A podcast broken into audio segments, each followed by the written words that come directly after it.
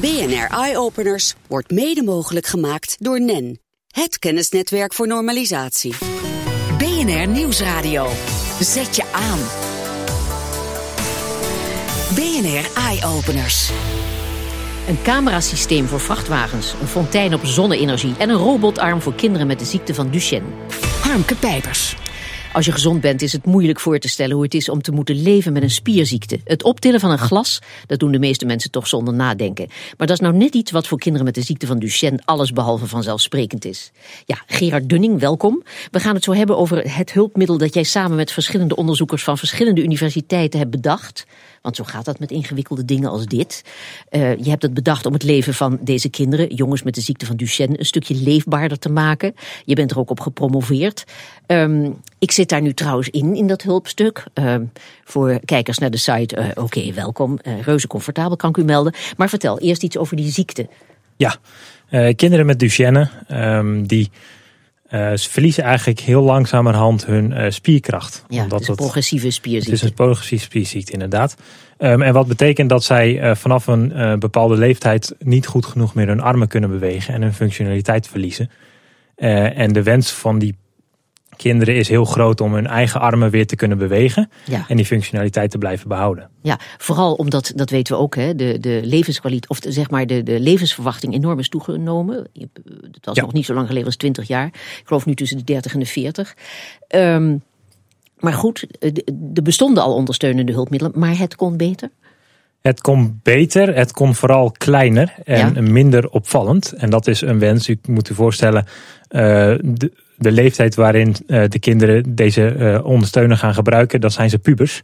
Ja. En ze willen graag, uh, dat is de wens, om, een, om een kleine onopvallende armondersteuner te gebruiken. Die dus niet opvalt, vooral niet in het dagelijks leven als ze bijvoorbeeld op straat zijn. Ja, en, en hebben jullie heel veel moeten veranderen ten opzichte van de al bestaande ontwerpen om aan die wensen te, te kunnen voldoen? ja, we hebben een nieuwe structuur toegepast en ook een nieuw veersysteem die de arm eigenlijk gewichtsloos maakt. Ja. Um, en het unieke aan dit apparaat is ook dat de mogelijkheid er is om naar voren en naar achter te kunnen leunen. Oh ja, dus dat, vergroot ook nog eens een keer ja. de, het bewegingsbereik. Dus ze kunnen verder naar voren reiken bijvoorbeeld. Ja. Het is een enorm ding, want ik zit erin. En dan, uh, maar goed, uh, kinderen die dit uh, nodig hebben, die zitten in een rolstoel. Hè, dus dat kan. En dan is het, ja, het hangt van elastiekjes met alle respect aan elkaar. Maar dat is nou net de clue. Geen motortje, want het is dus niet echt een, een, een mechanische robotarm. Precies. Het, het is inderdaad, hoe, hoe, noemen jullie die ding zelf? Wij noemen dit een passieve armondersteuner. Een passieve armondersteuner. En die bestaat inderdaad oh, uit, ja. uit, stangen en uit veertjes. De ja. veren doen niets anders eigenlijk dan de arm optillen en gewichtsloos maken. Ja. En dat is nodig voor het begin van uh, het staat in de beginfase van, van de ziekte van Duchenne. Mm -hmm. Dan hebben ze nog wel wat spierkracht en dan kunnen ze die ja. bewegingen zelf maken. In een later stadium hebben ze een actieve ondersteuner nodig, waarbij er dus wel motortjes en sensoren in zitten. Daar kom die... ik zo op. Maar dit okay. werkt dus met, met elastiekjes. En aan ja. de hand van hoeveel meer er nodig is, meer elastiekjes. Ja, precies. Meer elastiekjes. reuze simpel. Het is ook reuze simpel. Meer elastiekjes. maar maak het maar eens, ja. Uh, betekent ja. uh, dat je meer gewicht kan optillen. Ja, maar goed, het is, mijn rechterarm zit er alleen in en het is zo ongeveer gewichtloos, moet ik zeggen. Het is wel comfortabel. Moet ik niet te veel doen, want dan onderhoud je je spiertjes niet, zou ik maar zeggen. Klopt. Maar uh, ja, een glas water optillen voor mij, dat kon ik dus al voordat ik dit ding aan had. Ik begrijp hoe de werking is, ik voel het nu. Maar goed, je zei al, uh, als die ziekte verder, uh, want het is een, progressieve spierziekte, als die verder voortschrijdt, dan is er meer behoefte aan iets anders, aan motortjes of een sensor. En dat is dan een actieve bewegingsondersteuner? Ja, dat is de actieve oh, ja. armondersteuner. Maar hoe werkt die dan? Met de sensor meten stroompjes die door de spieren gaan, is dat het? Dat is een van de opties waarbij ja. we de spieractiviteit meten. Mm -hmm. Een andere optie is waarbij we de spierkracht meten. En daarmee meten we eigenlijk wat de gebruiker met de armondersteuning wil, welke beweging die wil gaan maken. Ja. En aan de hand van de motortjes sturen wij dan, of wij versterken eigenlijk uh, en helpen de, de gebruiker mee om die beweging ja, te maken. Dus de intentie ja, die, die, wordt gemeten. gemeten. En, en ja, oké, okay, dan valt dat uh, motortje in. Goed, het maakt waarschijnlijk ook geluid, hè? Dat is onvermijdelijk. Daar werken jullie natuurlijk ook aan. Het is onvermijdelijk dat... dat het geluid maakt, maar ja. het is belangrijk dat het zo weinig mogelijk geluid maakt. Ja, zeg, en we hadden het al even over door hersenprikkels aangestuurde armen. Zou dat een volgende stap kunnen zijn voor kinderen die helemaal geen kracht meer in hun spieren hebben? Wat bij Duchenne dus gebeurt, helaas? Um, dat is toekomstvisie, denk ik. Ja. Um, en wat belangrijk hierin is, is dat uh, de wens van de gebruiker is om een onopvallend uh, apparaat te hebben. Ja. En op het moment, de huidige technologie is in ieder geval dat je dan, je ziet vaak van die plaatjes dat je nog een badmuts op hebt met allemaal sensoren om je hersensignalen te meten. Ja. Uh, dat is natuurlijk niet onopvallend. Dus dat voldoet dan niet aan de wens van de gebruiker. Ja. Dus daar zal nog wel een stap in gezet moeten worden voordat dat toepasbaar wordt. Ja, het is gemaakt voor een hele specifieke groep patiënten. Dat zei je wel, die jongens met Duchenne. Dat is natuurlijk eh, uitgeprobeerd. Hoe reageerden die jongens? Die waren eigenlijk allemaal heel enthousiast. Ze, ze, sommige jongens konden inderdaad voor het eerst sinds hele lange tijd weer hun armen uh, goed bewegen. En een, mm -hmm. een, kopje thee of een flesje water optillen. Ja. En daar worden ze heel blij van. Ik ja. zag op uh, internet ook een klein uh, een filmpje. Een jongen die stralend in een rolstoel kwam aanrijden. En die, die zelf weer kan eten. Dat is natuurlijk ook voor een verschrikkelijke fase dat je, die dan aanbreekt. Dat je gevoerd moet worden. Ja, zeker. Ja. Goed, zou dit ook bij andere ziekten een uitkomst kunnen bieden? Dat denk ik wel. Uh, ja. Wij hebben ze vooral ons op Duchenne gericht. Maar ik denk dat dat voor meer spierziektes uh, toepasbaar kan zijn. En misschien zelfs wel voor oudere mensen die hun armen minder goed kunnen Oh, bewegen. Ja, Zou, ja. Wat, wat moet er nog geoptimaliseerd worden aan het prototype? Want dit is een prototype. Hè? Zijn er van de patiënten zelf nog suggesties uh, gekomen bijvoorbeeld? Hebben jullie ongetwijfeld gevraagd? Suggesties voor verbetering? Ondertussen probeer ik hem weer uit te trekken. Maar... Ja, nou, suggesties voor verbetering zijn vooral dat die uh, nog dichter naar het lichaam uh, gebracht moet worden. Ja. Uh, want op dit moment valt hij nog redelijk op. En we willen hem proberen zover te maken dat hij er of heel mooi uitziet of onder de kleren verdwijnt. En daar is nog wel een optimal, optimalisatieslag voor nodig. Ja. En daar wordt op dit moment aan het VUMC hier in Amsterdam aan gewerkt om, mm -hmm. daar, om dat, die stap te zetten. Ja. Maar goed, het zou natuurlijk helemaal fantastisch zijn als het allemaal niet meer nodig is, omdat er een uh, medicijn is tegen deze vreselijke ziekte. Hè. Er is tegen één speciale vorm van Duchenne is er al een medicijn, aan die andere wordt gewerkt, maar in die tussentijd, ook voor die jongens voor wie zo'n medicijn te laat komt, fantastisch. Klopt. Klopt. Nou, heel veel succes en bedankt Gerard Dunning voor je komst naar de studio. BNR Nieuwsradio. BNR Eye Openers. Vrachtwagens zouden over een paar jaar wel eens zonder spiegels kunnen rijden. Dat klinkt misschien onveilig, maar volgens de bedenkers is dat juist een enorme verbetering. De dode hoeken van voertuigen blijven binnen de verkeersveiligheid een heikel punt. Spiegels zijn voor het overzicht van de chauffeur enorm belangrijk, maar als het donker is of regent bieden ook die niet voldoende zicht. En dus moesten we onze Hollandse high-tech kennis maar eens toepassen om dit vraagstuk op te lossen, vond Henry van Beuzenkom, executive director van Orlaco, het bedrijf achter een nieuw camerasysteem voor vrachtwagens. Hij legt uit hoe het werkt. Uiteindelijk heb je een uh, optisch systeem, dus zeg maar lenzen, die vangen natuurlijk het licht rondom het voertuig. En uh, dat licht dat valt op een sensor. Nou, dat is dan een, uh, een imaging sensor. En dan gaat het ook een, uh, zeg maar een processor in. En daar worden die beelden uh, bewerkt. Dan kunnen we ook aanvullende functies toevoegen. Dus uh, bijvoorbeeld als een persoon zich in de blinde hoek bevindt, dan kunnen we de, de, de chauffeur ook gaan waarschuwen. Het zou dus vooral een grote stap moeten zijn in het verbeteren van de veiligheid. Maar het nieuwe systeem heeft nog andere voordelen, ontdekte het team van ingenieurs tijdens het maakproces. Dus wij, uh, wij gingen met die spiegels aan de gang en toen merkten we ook dat als je die spiegels van een vrachtwagen afhaalt, het scheelt heel veel gewicht. Maar het scheelt ook heel veel uh, drag, dus heel veel uh, luchtweerstand. Dus we ontdekten eigenlijk ook al vrij snel dat een auto, maar ook een, een vrachtwagen, dat die gewoon uh, zuiniger gaat rijden. Nog wel met flinke percentages ook. 1 à 2 procent, dat, uh, dat hebben we eigenlijk in eigenlijk elke test die we tot nu toe hebben gedaan, hebben we dat bereikt. En dan heb je ook meteen een rendabel businessmodel te pakken. Want hoe mooi het idee ook is, de centjes zijn ook belangrijk. Alle fabrikanten die wij benaderen, en dan, dan, moet je wel denken aan de meer ontwikkelde landen, hè? dus uh, Europese landen, Scandinavië, maar bijvoorbeeld ook Japan en, uh, en Amerika. Die willen allemaal een proef. Maar niet alleen fabrikanten toonden interesse. We zien bijvoorbeeld ook dat uh, verzekeringsmaatschappijen hier wellicht in geïnteresseerd raken. Omdat je die beelden nu ook op kunt nemen. Je kunt je ook voorstellen dat die beelden gebruikt gaan worden op lesvoertuigen. En dat je ook na de les, dat je nog eens een keer even gaat analyseren van jongens, hoe ging het nou eigenlijk? Het nieuwe systeem moet nog uitgebreid getest worden op de weg. Je hoorde Henry van Beuzenkom van Orlaco in een bijdrage van André van Arnhem.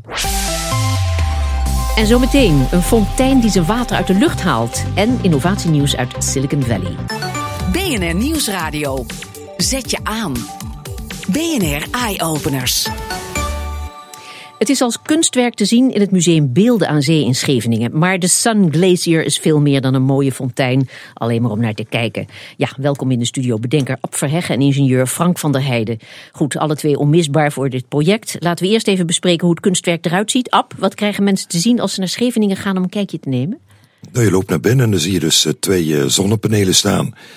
Die met een gele kabel verbonden zijn met een sokkel. Ja. En op die sokkel staat een uh, houten beeld beeld is gemaakt van, uh, van uh, uh, rode ceder. Ja. Dus op zich is dat al bijzonder, een fontein van hout. Ja. En eens in de zoveel tijd knalt het water boven uit het beeld, baf, over het beeld heen op de vloer. Ja, het is niet een continue straal, daar hebben we het zo nog over. Want vertel, wat maakt deze fontein zo bijzonder? Nou, wat wij doen, dat is met die zonne-energie die we opwekken, die wordt naar de sokkel geleid van het beeld. Ja. In de sokkel staat een condenser. Die zuigt lucht aan, haalt water uit de lucht. En het water wordt opgevangen in een reservoir, dat ook in die sokkel zit. En op een bepaalde level, bepaalde hoogte, pompt hij al het water wat hij dan tot zijn beschikking heeft naar boven het beeld uit. Ja. Zeg, dus, het, het, onderwerp is onderdeel van een veel groter project. Hè? Wat, wat, wil je precies laten zien met dit kunstwerk? Welke onvoorziene mogelijkheden zitten hierachter? Nou kijk, het, uh, het, uh, het, het, verhaal wat bij niet zoveel mensen bekend is, is dat hoe warmer het wordt, des te meer water zit er in de lucht. Mm -hmm. Dus in dit, dit, project heb ik dus een, uh, een klimaatverandering, het wordt warmer, ja. gebruikt. Daardoor zit er meer water in de lucht. Dus kunnen we er ook meer water uithalen. Ja. Nou, dit is dus eigenlijk het, uh, dit is het, het, het soort proof of concept dat het überhaupt mogelijk is. Ja. Zeg, maar ik ga even naar de ingenieur, want ik wil nog eventjes precies weten de techniek. Hoe werkt het nou precies? Het, het werkt op, op basis van condenseren. Ja, wij drijven met, uh, met uh, zonne-energie drijven wij feitelijk uh, conventionele apparatuur aan die ook wordt gebruikt om lucht te behandelen. Ja. Bijvoorbeeld om het comfort te vergroten in kantoren. Mm -hmm. Nou, die apparatuur die hebben we geoptimaliseerd. Zodanig dat die apparatuur zoveel mogelijk water uit de lucht haalt. Dus Ja. zoveel mogelijk waterdamp. Ja. Dus wij ontdoen de lucht van, uh, van het water dat erin zit. En dat Ja. winnen wij dan voor ander gebruik.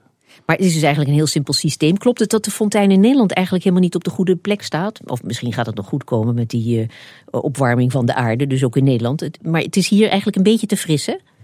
Ja, feitelijk is het zo dat, uh, dat de toepassing zich vooral richt op plekken waar natuurlijk uh, drinkwater moeilijk uh, toegankelijk is. Mm -hmm. En vaak zie je dan dat er toch een behoorlijke hoeveelheid water in de lucht zit. Ja. Want de hoeveelheid water die uh, lucht kan bevatten, die uh, neemt toe naarmate de temperatuur stijgt. Ja. Dus als we bijvoorbeeld kijken naar het Midden-Oosten, dan kan het zo zijn dat je in een, uh, in een woestijnachtige omgeving mm -hmm. toch een hoeveelheid vocht in de lucht hebt. Die hoger is dan Van, de hoeveelheid die ja, wij in Nederland welk aantreffen. percentage hebben, ze dan, hebben we het dan? Wanneer wordt het echt interessant? Nou, we hebben het dan, je, moet, moet je dan uitdrukken in absolute hoeveelheden. Dan heb je het bijvoorbeeld over 20 gram per kilo lucht. Oh ja, ja. Maar goed, het, hij staat dus eigenlijk in Nederland helemaal niet goed. Um, maar hoe warmer en hoe vochtiger, hoe beter gaat dat op? Ja, we maken natuurlijk ook gebruik van uh, zonne-energie. Ja. Dus dat is ook een voorwaarde dat we kunnen beschikken over zonne-energie. Ja. Maar, en het, het dus geldt... het beste is op, op zijn plek in een tropisch regenwoud, maar daar hebben we geen nou, daar heb je aan. geen, geen tekort al, aan water, maar je ziet dat er veel zeggen, plekken ja. zijn op aarde waar, uh, waar het droog is, waar Mhm. Een tekort is aan drinkwater, maar waar de lucht toch relatief veel vocht bevat. Ja. En dan heb je het inderdaad over plekken in het Midden-Oosten, in de woestijn. Maar ook in Zuid-Amerika, bijvoorbeeld in de buurt van, uh, van Lima. Ja. Zeg, en, en hoeveel liter zou deze fontein in de ideale omstandigheden aanmaken? Um, nou, kijk, wij drukken, wij drukken het uh, vaak uit in een hoeveelheid uh, water per uh, oppervlakte zonnecel. Ja. En wij denken, wij hebben proeven gedaan en dan komen wij op ongeveer 3 liter per vierkante meter zonnecel per dag. En wij denken dat we dat nog verder kunnen optimaliseren. Ja, maar betekent dat dat er een, een continue straal gemaakt kan worden? Of is dat ver- verwerkt, eh, ver- verbergt, eh, ehm, vereist dat nog een heleboel verbetering van allerlei Nou, feitelijk, feitelijk, kijk, feitelijk moet je natuurlijk ook op een andere manier naar water en drinkwater kijken. Hè? Wat Mhm. heeft de mens nodig? Ja, En als je dat dan uitdrukt in, uh, in eenheden per oppervlak, ja, dan zou je kunnen denken aan een straaltje water dat gegenereerd wordt uh, uh, door die zonnecellen. ja. Maar dat is dan ook drinkwater. Ja, maar, maar was het dan uh, after all wel verstandig om uh, dit kunstwerk als fontein te presenteren? Moeten we dan niet meer spreken van een druppelaar? Nou, we hebben er dus bewust een fontein van gemaakt om mensen te laten zien mm. hoeveel bijvoorbeeld 250 milliliter water is. Ah, ja, ja. Dus dat is een keer dat het eruit knalt. Dus dan sta je al te kijken van dat dat nog een mooie, ja, tot de verbeelding spreekt. Maar uh, hij staat inderdaad niet goed. Maar voordat hij naar de woestijn gaat, ja. wat de planning is voor, uh, voor uh, oktober, denk ik dat we het ontzettend leuk gedaan hebben om het net in Scheveningen te presenteren. Ja. Omdat iedereen die aan dit project meewerkt, zeg maar uit de regio Den Haag afkomstig is. Dat het daar ook ontwikkeld is, het project. Ah ja. Dus op het moment dat we er direct mee naar de woestijn waren gaan, alhoewel, kijk, we kunnen natuurlijk ook een hele warme zomer krijgen. Mm -hmm. En aan zee is de luchtvochtigheid vaker ja. weer iets groter. Dus misschien komen we daar ook nog wel tot verrassende resultaten. Ja, maar, maar als we even kijken naar het grotere plaatje, hè, op hoe, hoe zou, die, zou je dan dit het liefst toegepast zien worden op grote schaal? Kijk, er zijn natuurlijk heel veel mogelijkheden. Als, uh, je zou het kunnen gebruiken als uh, drinkwater, maar waar je ook over kan denken, dat is bijvoorbeeld kasbouw, waar geen water meer aan hoeft te worden toegevoegd. Precies, want dan, dan hou je dus wat je produceert, hou je vast. Inderdaad. Ja. Dus je moet eigenlijk op een andere manier over water gaan nadenken. Ja. Uh, er is ook een uh, bepaalde uh, of een, een, landbouwtechnologie, die heet aquaponics. Ja. wat zij missen, dat is watertoevoer. Mm -hmm. Wat ze ook missen, dat is kou. Ja. Nou, want je moet het water koelen, vooral in warme gebieden. Ja. Nou, kijk, dat zijn bijvoorbeeld dingen die wij kunnen toevoegen.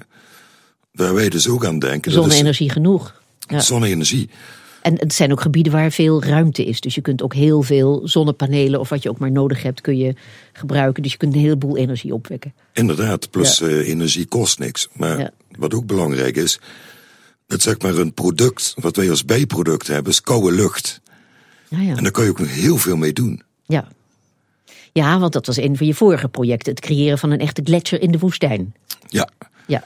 Nou kijk, als je de machine nu openmaakt, dan zie je dus dat alles uh, hartstikke bevroren is. Ja, dus precies.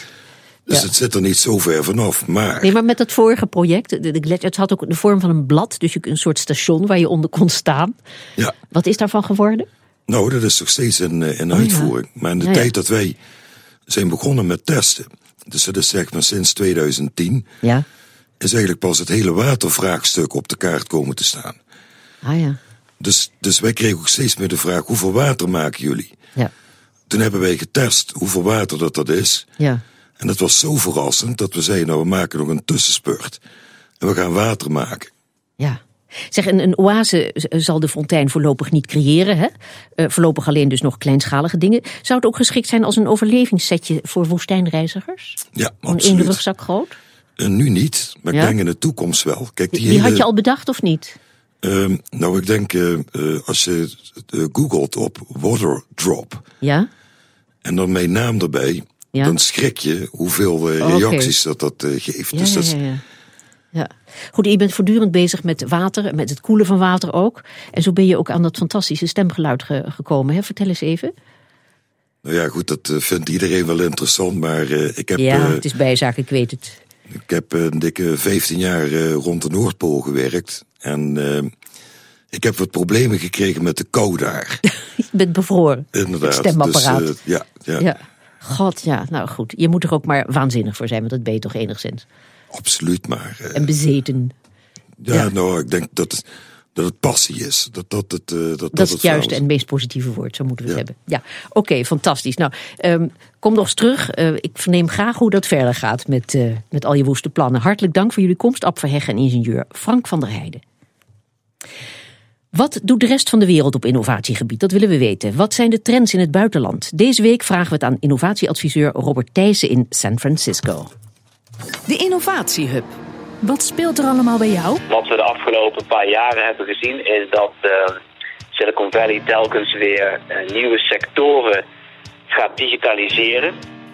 En op dit moment eh, is eh, bijvoorbeeld de gezondheidszorg is, is volop ehm, bezig om gedigitaliseerd te worden door spelers uit, uit Silicon Valley. Dus de digital health ontwikkelingen, zoals dat dan hier genoemd wordt, die, uh, die hebben grote vormen aangenomen. Om even een, een, een voorbeeld te geven over de ontwikkelingen in, uh, in, in, investeringen van venture capitalists. Dus de risicokapitaalinvesteringen in, uh, in nieuwe bedrijvigheid, in start-ups. Dan zie je dat vorig jaar, 2015, er 4,5 miljard dollar is geïnvesteerd in, in nieuwe digital health bedrijven. En dat is een toename ten opzichte van 2012 bijvoorbeeld, waar het nog maar anderhalf miljard was. Dus je ziet dat daar een enorme uh, vlucht genomen wordt. En dat je bijna 10% van al het venture capital wat op dit moment in de VS omgaat, dat is een, uh, ongeveer 40 miljard, zit in die digital health. En wat zijn de uitdagingen? De uitdagingen uh, die liggen denk ik vooral op het vlak van het daadwerkelijk ook in het zorgsysteem toegepast te krijgen. Om je een voorbeeld te geven, 23andMe is een start-up dat uh, eigenlijk personal genetics aanbiedt. Het werkt eigenlijk zo, je spuugt in een, in een buisje, je stuurt het op naar het bedrijf, je DNA wordt eruit gehaald en wordt voor een deel gesequenced. En wat zij deden tot een jaar of twee terug, is jou op basis van jouw genetische profiel uh, gezondheidsadviezen geven. Uh, maar daar heeft de FDA, dus de, de, de regulator in de VS, de Food and Drug Administration, op dit moment een stokje voorgestoken. Die zegt van ja, maar op basis waarvan uh, doen jullie dat precies? Dus dat, dat, is een heel mooi voorbeeld van hoe zeg maar, een hele innovatieve start-up met, met een hele mooie technologie tegen dat regulatoire systeem aanloopt. En ze zijn op dit moment dus is het verboden om die adviezen te geven. We verwachten overigens wel in de toekomst dat dat wel weer gaat gebeuren. Dus ik denk met name dus om het daadwerkelijk in het zorgsysteem geïmplementeerd te krijgen, dat daar de grootste uitdagingen liggen. U hoorde Robert Thijssen, innovatieattaché in San Francisco voor het ministerie van Economische Zaken. Op bnr.nl slash eyeopeners vindt u meer informatie over het innovatieattaché-netwerk en andere innovaties met impact. Tot zover deze aflevering. Op Twitter vindt u ons via BNR Eyeopeners. En heeft u zelf iets leuks gezien of bedacht? Laat het ons weten. Stuur een mail naar eyeopeners.bnr.nl. BNR Eyeopeners wordt mede mogelijk gemaakt door NEN, het kennisnetwerk voor normalisatie.